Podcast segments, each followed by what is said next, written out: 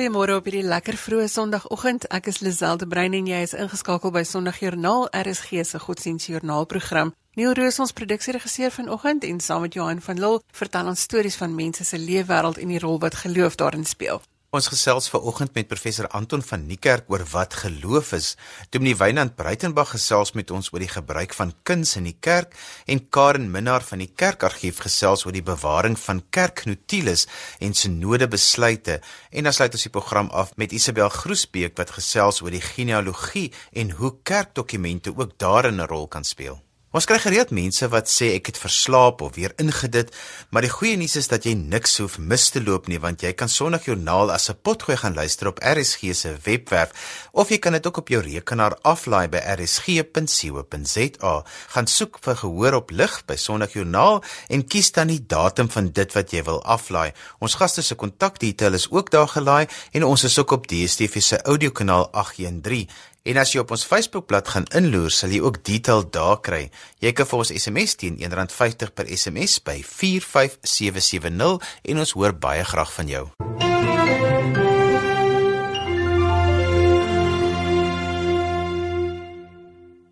Professor Anton van Niekerk is die direkteur van die Sentrum vir Toegepaste Etiek en hy is 'n uitgeleese professor in filosofie by die Universiteit van Stellenbosch en is altyd 'n voorreg as hy spesiaal ry om hier by ons in die ateljee te kom kuier om te gesels oor geloof. Goeiemôre professor. Môre Lisel, môre Johan. Professor, ek hoor nou die aand iemand sê in 'n program dat daar nie 'n God is nie en dat geloof net 'n manier is om nie verantwoordelikheid vir jou eie lewe te neem nie. Ek het lank hieroor nagedink en gewonder of jy net weer geloof vir ons kan definieer. Wat is dit?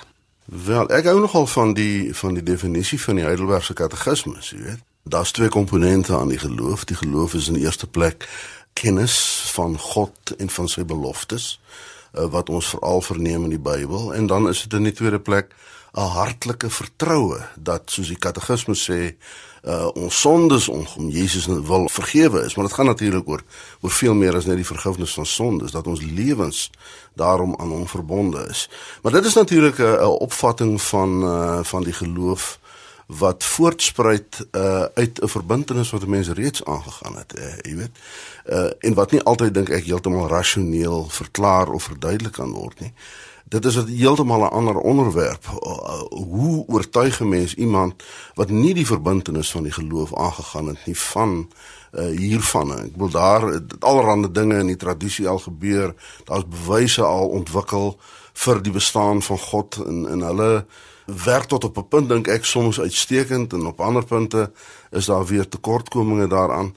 Uh so dit is dus nie heeltemal 'n saak wat 'n mens klink klaar dink ek in 'n rasionele gesprek kan uitklaar nie. Ek dink dit is nogal moeilik om te verduidelik in geloofstaal om te sê jou oë het oopgegaan vir vir dit wat jy nou sien en iemand anders se oë het nou nog nie oopgegaan ja. nie. Ek het altyd die probleem met geloofstaal dat ons eerder op 'n op 'n maklike manier vir mense goeders moet verduidelik. Die stelling dat uh, geloof nie te krik is om nie verantwoordelikheid vir jou eie lewe te neem nie. Wat maak ons daarmee? Wel, uh, ek sou nie wil ontken dat dat uh, jy weet sommige mense so oor geloof dink nie. Ehm um, een van die interessante sogenaamde bewyse wat in die tradisie al vir God aangevoer is, uh word terugherlei na na die waagstuk argument van die Franse denker Pascal. Nou Pascal het gesê uh dis veiliger om te glo as om nie te glo nie. As daar 'n God is, dan is dit soos ek sê veiliger want dan as jy net die dag jou oë toemaak dan is jy aan die regte kant van sake. Maar as daar nie 'n God is nie en jy glo steeds in hom, wel dan verloor jy niks uh op op die dier nie. Daar is seker mense wat uh wat so daaraan dink. Uh, ons leef in 'n tyd waarin daai idee van die kruk onder baie skerp kritiek en ek dink heeltemal reg oor 'n lang tyd nou al deurloop. Die gesprek is begin deur die baie bekende Duitse teoloog Dietrich Bonhoeffer wat 'n martelaar uh, was uh, beskuldig dat hy deelgeneem het aan die komplot om Hitler om die lewe te bring. En en toe in die tronk terwyl hy gewag het, hy's uiteindelik 'n paar dae voor dat bevryding gekom het, is hy ongelukkig opgehang. Maar wat in in sy laaste tyd in die tronk uh fantastiese nuwe idees mee vorendag gekom het. En daai idees was gedryf deur die oortuiging dat ons moet ophou religie bedryf, godsdiens bedryf. Ons moet religie vervang met geloof. Dis verbonde vir twee verskillende goed. En wat is religie? Religie is presies hierdie neiging om God te beskou uh as die die ou wat al die gapings in ons lewens toestop. Uh Bonhoeffer het die begrip die Leukenbuscher gebruik. Die een op wie ons ons beroep die oomblik as ons eie antwoorde en ons eie vermoëns oproep. En Bonhoeffer maak reg die die opmerking dat ons leef in 'n tyd waarin daai gapings al hoe minder word. Uh as ons vandag siek word, dan uh, jy weet die eerste uitweg is nie om te bid nie. Die eerste uitweg is om die dokter uh te bel. As as daar vandag droogte is, is is die eerste uitweg nie om te bid vir reën nie, maar om uh damme te bou en kanale aan te lê en en wat ook al te doen. So as ons aanhou aan God dink net as 'n as 'n 'n gap to stopper, as 'n kruk om jou uitdrukking te gebruik. Dan moet ons verstaan dan gaan God al hoe meer uitgeskuif word uit ons lewens. Hy gaan al hoe meer skuif na die periferie van die lewe en hy gaan vir mense al hoe minder beteken en al wanneer hulle met hom te maak kry is by die sogenaamde grenssituasies van die lewe. Daar waar die dood intree of daar waar mense ingewy moet word in die gemeenskap, soos wat tipies by doopgemeens uh, geleenthede gebeur en so meer. En die uitdaging is om is om aan God te dink uh as die kern van ons lewens wat weer in die sentrum kom staan en nie net op die op die buitewyke uh figureer nie. En dit dink ek is is is die groot uitdaging van ons tyd. Maar wanneer mense nou sou sê dat ek wanneer ek 'n besluit moet neem, dan sal die Here se wil geskied. Beteken dit ek neem nie verantwoordelikheid vir hierdie besluit nie of beteken dit ek vertrou dat God my gaan help om hierdie besluit te neem om dan by iets uit te kom? Ja, Lisel, ek het baie groot probleme met 'n opvatting van geloof wat sê kom ons laat dit alles vir God en soos jy sê ons neem nie self verantwoordelikheid nie. Ja, natuurlik kan ons bid, maar bid moet altyd gepaard gaan met werk, met iets doen. Uh want dit bring my dit bring my terug by by jou eerste vraag oor wat die geloof is en wat ek wat ek nie daar nog te te berde gebring het nie. En dit is natuurlik dat geloof is dit is so dit is kennis en vertroue. Maar geloof sou ek baie sterk op verander is 'n lewenswyse. Geloof is die lewe in verbondenheid met God en met name soos hy geopenbaar is uh, deur Christus. En daai lewe in verbondenheid is eenvoudig 'n lewe waarin ons sy wil probeer doen op watter manier ook al. As as jy nou as jy nou Jesus se prediking lees net vir al die die bergrede uh dan is dit so glashelder duidelik. Wat is die die bergrede word dikwels genoem die die grondwet van die koninkryk van God. Maar maar wat staan in daai grondwet? Wat word van ons verwag? Net om alles aan God oor te laat? Ja, dit het seker ook sy plek dat 'n mens God vertrou. Maar aan die ander kant, die lewe in die geloof is om die tweede myl saam te stap.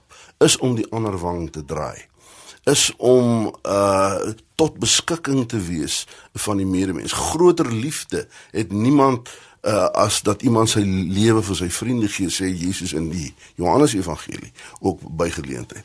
Ehm um, so die lewe in die geloof is eenvoudig om sorge te maak om God se koninkryk in die wêreld te laat kom.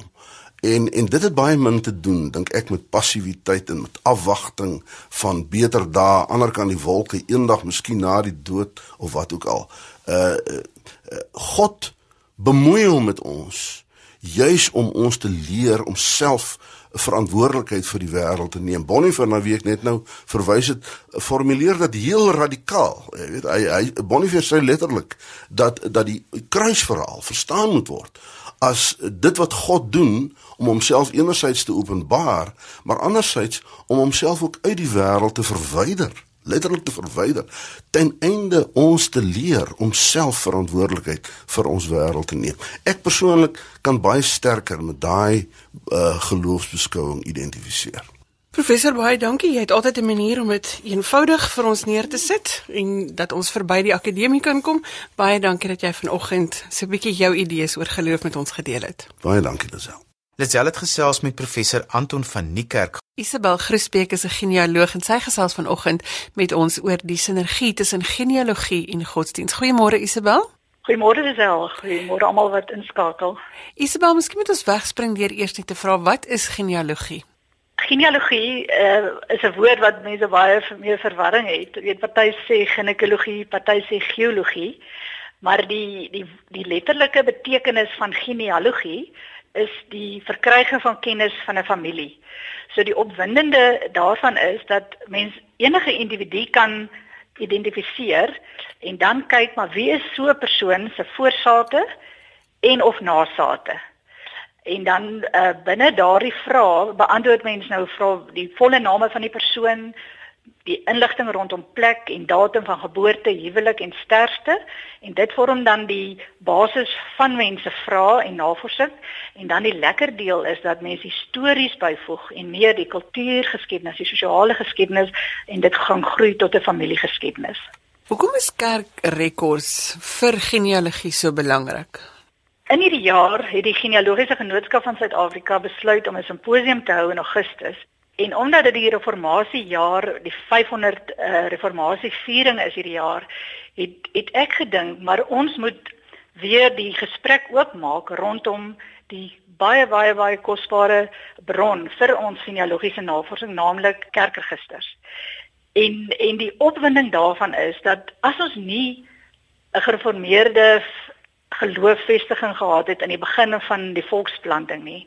Ek weet dit was die doel was 'n vestiging van Jan van Riebeeck was 'n verversingsstasie, maar daarmee saam het hy die Christelike geloof gebring en ook die gereformeerde geloof en binne daardie tradisie van Nederland van sterk rekordhouding is daar reeds vanaf 16 uh, 65 'n dominee ook hier aangestel en wat vir my te interessant is met die navorsing is dat die van die eerste dopelinge wat dominee Johannes van Arkel wel eh, die doop aan hulle bedien het was onder andere die Putter familie se voormoeder, se stammoeder. En as die die kerk nie daardie rekords gehou het nie, kon daar nie vir ons bewyse gewees het van die families wat in daardie tyd uh gevestig geraak het, wat kinders gedoop het, huwelike wat bevestig is nie, sterfte rekords. En met daardie kosbare kerkregisters wat tot vandag toe nog gehou word in menige kerkverbande, het ons bewyse van die kind se naam, die geboortedatum, die doopdatum, die ouers se name en ook in die vroeë jare die die getuies by die doop. En dit het gemaak dat byvoorbeeld Christoffel Coetzee de Villiers wat in die 19de eeu 'n uh, jong man was, hy het maar net 34 jaar oud geword. Hy het in sy vrye tyd het hy by die argiewe gaan sit en hy het daardie kerkregisters deurgewerk en 'n basis navorsing gedoen en ongelukkig is hy oorlede voor hy sy boek kon saamstel maar die die regering van daardie dag het dit so waardevol geag dat die historikus George McCall Steele die rekords moes neem en die eerste basiese navorsingswerk vir ons Suid-Afrikaanse stamouers is dan opgeneem in die geslagregister die Oude Kaapse familie. Daardie waarde daarvan kan mens eintlik nie in geld verwoord nie. Isabel, ons het nou al so 'n bietjie gesels oor familie Bybels. Ek weet jy is self iemand wat data versamel en met data werk uh, by 'n kerkkantoor as ek dit reg het. Maar watter ander dokumente is ook belangrik? Ja, reg. Ek is die uh, behalwe dat ek 'n genealoog in my vrye tyd is, is ek die data registerhouer van Linwoodrif gemeente in Pretoria. En en en daarom uh, sien ek behalwe die kerkregisters wat belangrik is, sien ek ook dat mense na ons kom en hulle sê maar ons het hierdie pragtige nuwe familiebybel en ons wil graag ons inligting graag daarin skryf, weet die gesinsinligting. Of dalk kom mense na ons toe en sê ons het 'n ou ou ou familiebybel geërf. Uh daar is kosbare inligting in wat wat nêrens anders dalk al in ander registers opgeskryf is nie, maar ons wil dit nou graag verder voltooi. En dan is dit vir ons belangrik dat mense juis weet hoe om die dit reg te doen in die sin van om die baie mooi te let op die spelling, die volledige name, nie net noemname nie. Ek het byvoorbeeld nou in die week 'n navraag gekry van Dominee uh, Johan Karel de Bruin van die Hervormde Kerk. Hulle het uh voorletters van mense wat in 1904 uh die kerkraad was, maar hulle weet nie regtig wie die mense was nie. So die familie Bybels en ook ehm uh, gemeente se notules moedig ons aan dat die name volledig geskryf word en dat dit dan ook so bewaar kan bly en beskikbaar word vir verdere navorsing. Ek dink Isabel in, in vandag se tyd is mense nie meer so bedag daarop oor die versamel van inligting of die hou van inligting, maar ons is tog besig om tegnologies 'n klomp inligting daar neer te sit. So wat sou jy sê moet mense onthou is belangrik wanneer dit kom by die neerskryf van hulle familiegeskiedenis? Die feit is dat die mense wat leef vandag ken hulle self die beste. Hulle is naaste aan die gebeurtenis. Byvoorbeeld as mens neem as iemand sterf en jy maak 'n pragtige begrafnisbrief. Uh maar jy sit nie die volledige name in en jy sit dalk 'n noemnaam in. Ons moedig byvoorbeeld mense aan om om ehm um, om 'n uh, by 'n vrou byvoorbeeld die nooiens van ook in te voeg. Want almal besef nie dat al hierdie bronne word vir ons as genealogiese navorsers brondokumente. En omdat die tegnologie in 'n sekere sin ons lewe oorneem, wil ek wil ek mense aanmoedig dat die tegnologie is baie kosbaar. Dit help ons dat inligting makliker beskikbaar raak, maar dit help nie dat ons halwe inligting beskikbaar maak nie. So gebruik die tegnologie en daarvoor is ons ook baie dankbaar vir die Genealogical Society of Utah wat wêreldwyd kerkregisters ook vas lê digitaal en wat trans goed getranskribeer word. Ons is dankbaar uh, dat dit digitaal beskikbaar word, maar die mens wat die inligting gee, moet ons nie moenie vergeet nie dat hulle die dataregister hou by gemeente, die familielid wat inligting moet deurgee vir 'n doopregistrasie of vir 'n sterfteregister, moet dit volledig gee. En dan ook uh, wat vir ons belangrik is in die digitale eeu is dat die informant is eintlik ook belangrik. So as iewers inligting vasgelê word, dat mens weet wat is die die informant van daardie inligting. Ek weet in die verlede het ons nou almal familiename gehad, maar deesdae is dit mos nou 'n moderne neiging om kinders na popsterre en so te vernoem. So as jy nou jou kind na iemand vernoem, skryf tog nou ook maar neer wie dit was sodat daardie inligting ook beskikbaar is. Isabel, mense het nou al vir ons gevra waarheen kan hulle die inligting stuur? So by jou as mense nou stamregisters in hulle familiebybels het wat ehm um, wat hulle wil laat dokumenteer, kan hulle 'n foto daarvan neem en waarheen kan hulle dit dan stuur sodat dit ook by die genealogiese dokumente opgeneem word? Ek sal graag wil hê dat mense 'n foto neem wat 'n uh, JPEG formaat wat nie weet te groot leer is nie en dan kan hulle uh, na my dit aanstuur by Isabel G by mweb.co.za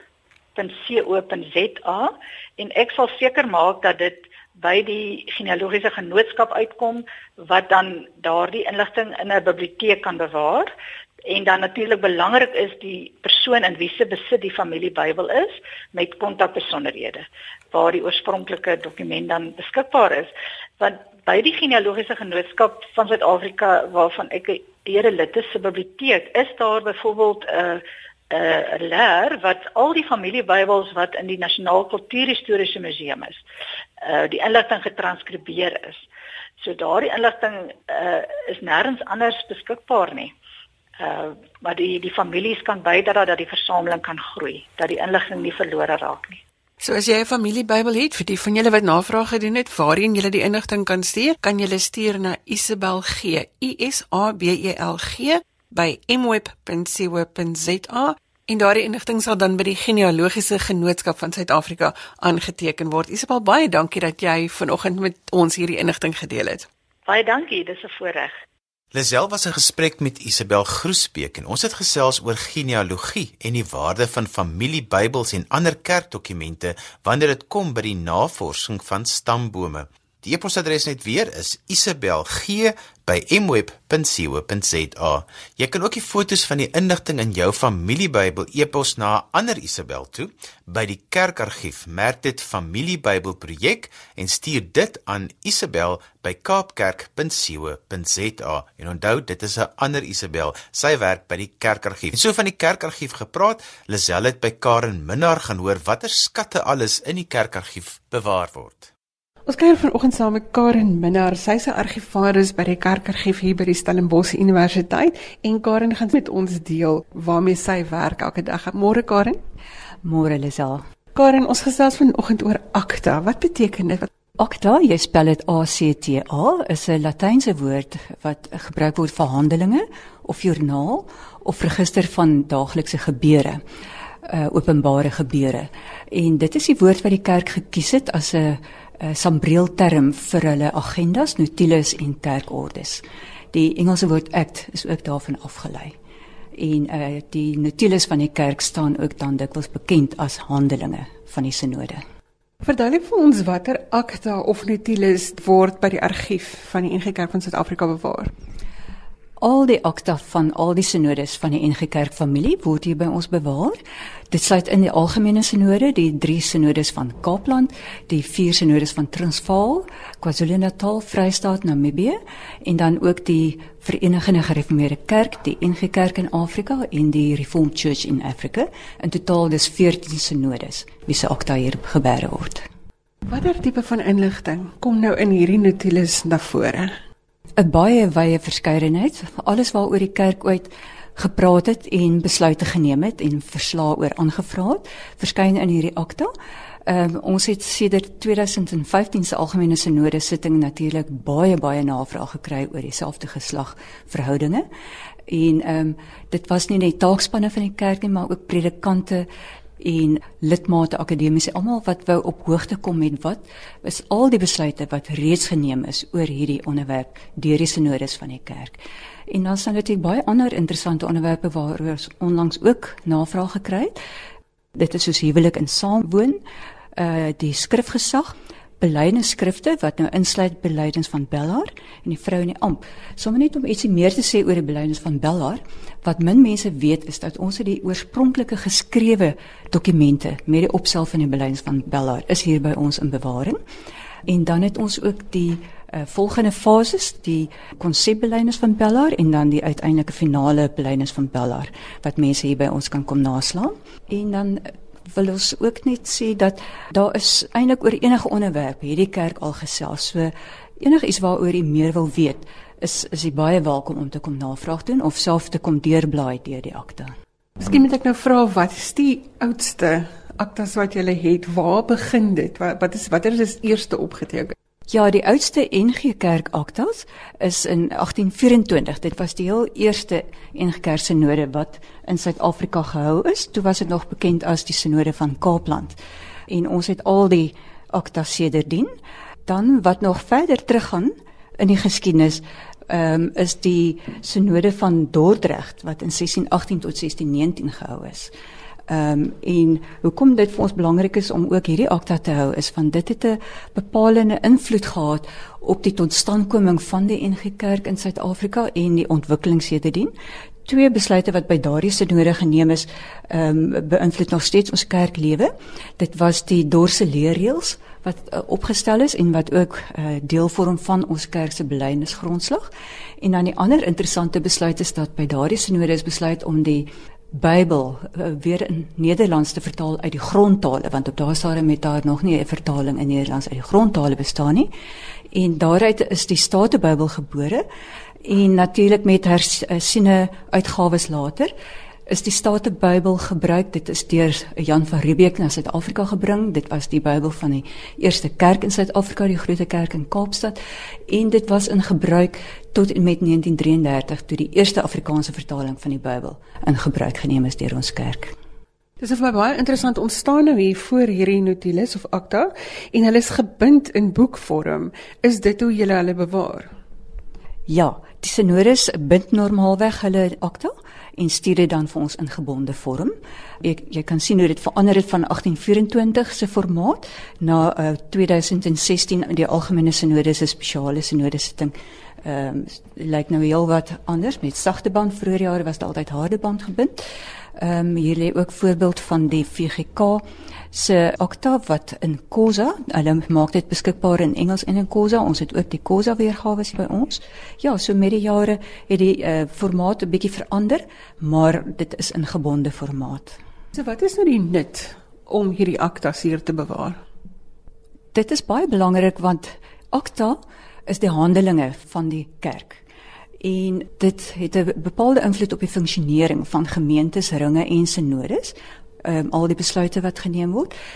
Maar dit is ook 'n manier van interpretasie van die woord van God deur die eeue van die bestaan van die kerk. En dis baie interessant om te sien hoe dit verander het oor die tye. Dieselfde sake wat bespreek is, maar heeltemal uiteenlopende besluite wat met verloop van jare geneem word daaroor en uh, so ontdek 'n mens hoe die kerk groei en verander oor tyd. So dit gee baie goeie prentjie van hoe die kerk ontwikkel het en ek wil ook net noem dat Akta is nie geslote dokumente nie. So enige persoon is baie welkom om 'n navraag daaroor te doen of self te kom kyk daarna en ons moedig eintlik mense aan dat om hulle self op hoogte te bring met die kerk se besluite. Dit is interessante leesstof aan die een kant, maar aan die ander kant eintlik ook noodsaaklike leesstof sodat ons ons geloofslewe kan verantwoord. Karen is 'n fascinerende kykie in hoe jy elke dag te werk gaan met al hierdie inligting. Wat is vir jou die interessantste dinge wat jy nou al in van hierdie Nautilus of Akta raak gelees het? Ja, uh, as sien ek nou 'n vrou is, kan ek net noem dat die vrou is maar redelik onlangs eers in die 1990s toegelaat tot die amp om te in die kerk eers as 'n um, ehm, ouderling en later as predikant. En dis my opwindend dat die kerk wel so oor tyd kon verander om 'n uh, eh, ruimte te maak vir baie soorte mense. Karen baie dankie dat jy vanoggend ons 'n kykie gegee het in jou leefwêreld, jou geloofswêreld. Indien mense nou enigstens wil navraag doen oor van hierdie Nautilus, 'n uh, eh, bietjie wil navraag doen oor wat opgeteken is, as hulle miskien nou uitsoek, waar kan hulle inligting kry? Ons het 'n webblad, uh, kerkargief.co.za waar ons kontakbesonderhede is. Ons het ook al die data wat elektronies beskikbaar is reeds op die webblad geplaas waar mense ook hulle eie soektogte kan doen. Dit is baie eenvoudig, tik net 'n soekwoord in in die soekblokkie en al die uh, dokumente waarin daardie spesifieke woord sê maar so saamwoon verskyn sal dan op die skerm verskyn en jy klik op die betrokke dokument wat jy wil lees en inligting kan gratis afgelaai word van die webblad. Met ander woorde, al die materiaal is gefotografeer en gedokumenteer en is ook elektronies beskikbaar. Ongelukkig nie alles nie, maar die meer onlangse akta, soos van die algemene sinode is sedert 2002, is op die webblad beskikbaar. Baie dankie vir jou saamgesels vanoggend. Baie dankie Lisel. En so gesels Karen Minnar oor haar werk by die Kerkargief. Daardie webwerfadres net weer is kerkargief www.co.za. Ons gesels gereeld oor geloof en kuns en vandag kuier Dominee Wynand Breitenberg saam met ons in die ateljee om met 'n ander hoek na die gebruik van kuns in die kerk te gesels. Goeiemôre Wynand. Goeiemôre, hallo almal. Wynand, kan kuns jou help in jou geloof vereis? Waar is die raakpunte tussen geloof en kuns? Sjoe, wat 'n goeie goeie vraag. Ek dink uh, ons sit in 'n sit in 'n tyd waar ons soveel nuwe dinge sien. Ons wil elke elke jaar wil ons 'n nuwe foonkontrak uitneem, ons wil ons groter karre kry, ons wil uh, beter huise hê. En uh, wat kuns doen is kuns help ons om dieper te gaan en nie meer nie. Ehm um, inteendeel met met so met so min uh, help dit ons met so baie. Ek het eendag gehoor iemand sê kuns help jou om jouself heeltemal te verloor en jouself heeltemal te vind op dieselfde tyd. En uh, in 'n wêreld waar ons nou lewe, waar ons sien uh, wat mense rigting nodig het, kort ons um, die kuns om ons te help met dinge wat ons nie verstaan nie. Uh, kuns help ons uh, inteendeel nie net om om iets te sien nie, maar om iets te voel. Uh, wat dieper is as net dit wat ons, jy weet, die BMW se leer sitplekke. En hierdie gevoelens is gewoonlik gekoppel aan die middelste deel van ons brein, die reptielbrein. Hier is waar ons diepste emosies uitkom. Dis dis wanneer jy so woedend raak dat jy nie kan praat nie. Dis wanneer jy so hartseer raak dat jy nie kan ophou huil nie.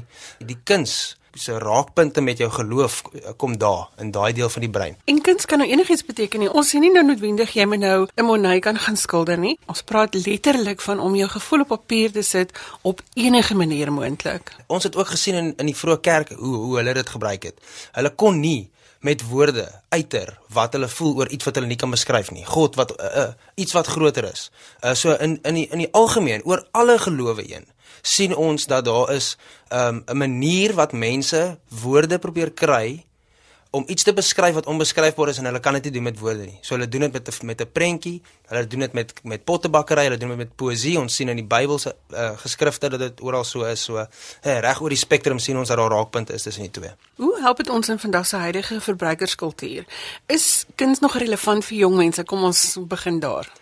Wel, as ons kyk na waar waar, waar nie uh, jong mense nou belangstel, sien ons dat dit is alles goeters wat vinnig is. Dis hierso, dis uh, uh onmiddellike bevrediging, uh kos wat regtig vir ons net nou beskikbaar is wanneer ons wanneer ons dit nodig het. En en wat kuns doen is dit daag daai uit, die dopamien vlakke in ons in ons brein.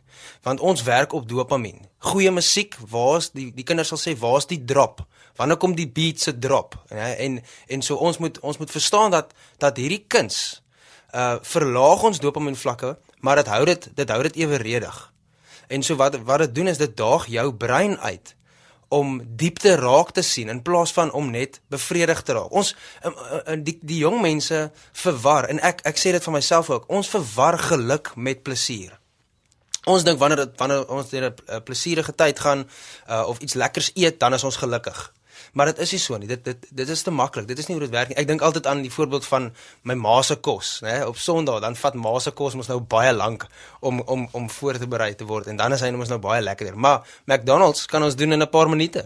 En en wat is die voedingswaarde daarvan?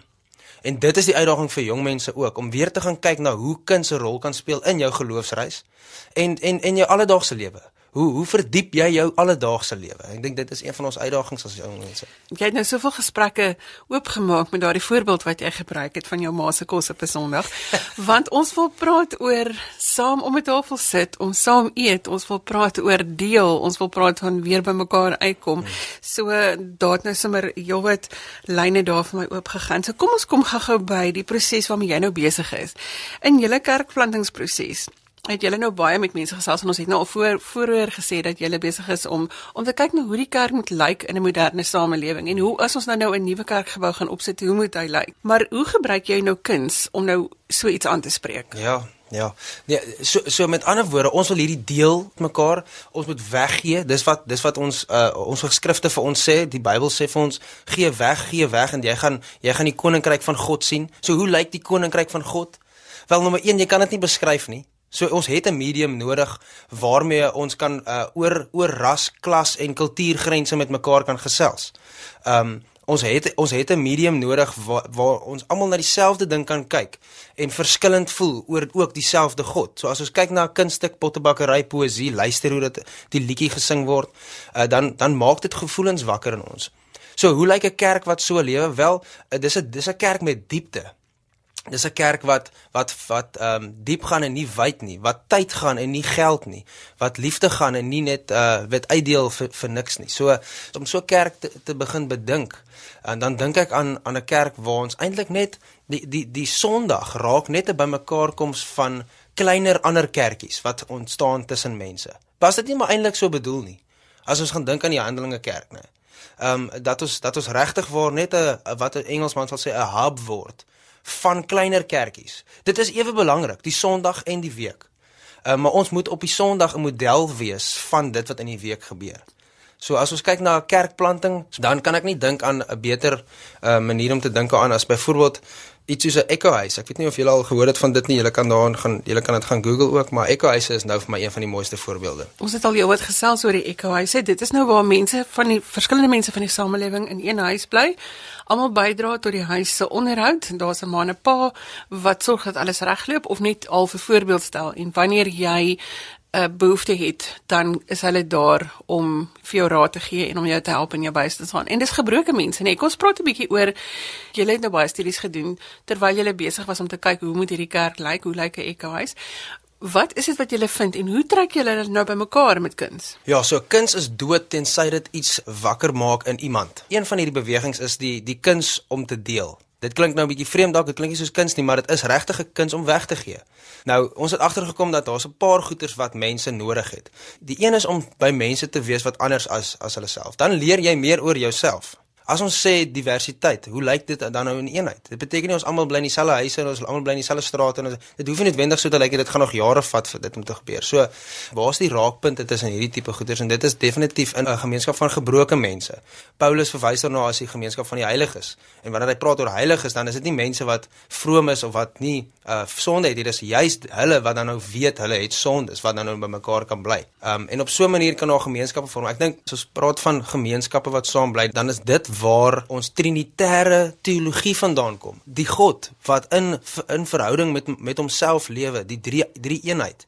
Ons kan nie sonder dit nie. Dit is en dit is in sy andersheid wat hom mooi maak. So ons moet leer om dit te doen. Ons moet leer om saam te lewe. Vertel ons van die kruiskunsbeweging. Die kruiskunsbeweging het het uh, ontstaan met 'n klomp jong mense wat hierso op Durban wil nou uh, agtergekom het maar jy's ons ons verlang na iets dieper.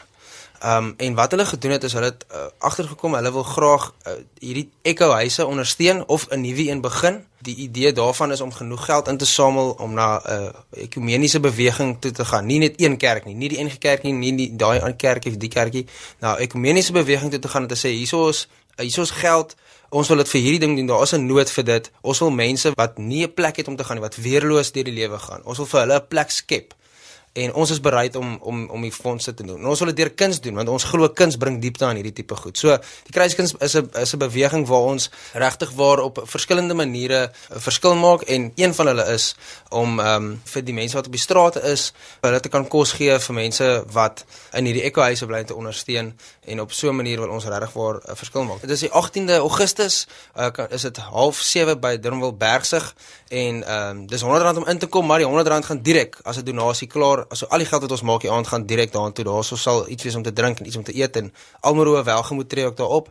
Hy gaan 'n lewendige kunststuk wees daarso. Daar gaan pottebakkerye wees, daar gaan skilderkuns wees, daar gaan poësie wees. Daar's mense van House of Grace wat die uh, seksuele gemolesteerde kinders en en wat van 'n veiligheidshuis afkom. Hulle kom doen ook poësie. Die tema is om vir Jesus uh, deur te gee as 'n as 'n grensgeval. So hoe kyk ons na grensgevalle? Kyk ons na mense op die straat asof Jesus in hulle is. Kyk ons na mense wat down syndroom het wat dat hulle Jesus in in hulle het. Kyk ons na mense kankerpasiënte dat hulle Jesus in hulle het. En hoe praat ons met hulle? Hoe wees ons met hulle? Ehm um, en so ons het dit die tema gekies Jesus as 'n grensgeval en ons het dit uitbeeld op verskillende maniere. So as jy wil kom kyk hoe kuns gebruik kan word om die kerk te ondersteun, kan jy vir Wynand kontak Wynand jy's op Facebook. Ja, ek is Wynand maak met 'n C Breitenberg. Hulle kan my inbox daarso enige tyd. Wynand baie dankie dat jy vanoggend hierdie inligting met ons gedeel het. Baie baie dankie julle vrede. Ons leef in 'n diverse Suid-Afrika waar kerk verskillende goed vir verskillende mense beteken en dit is goed om die jonger geslag se passie hieroor te beleef.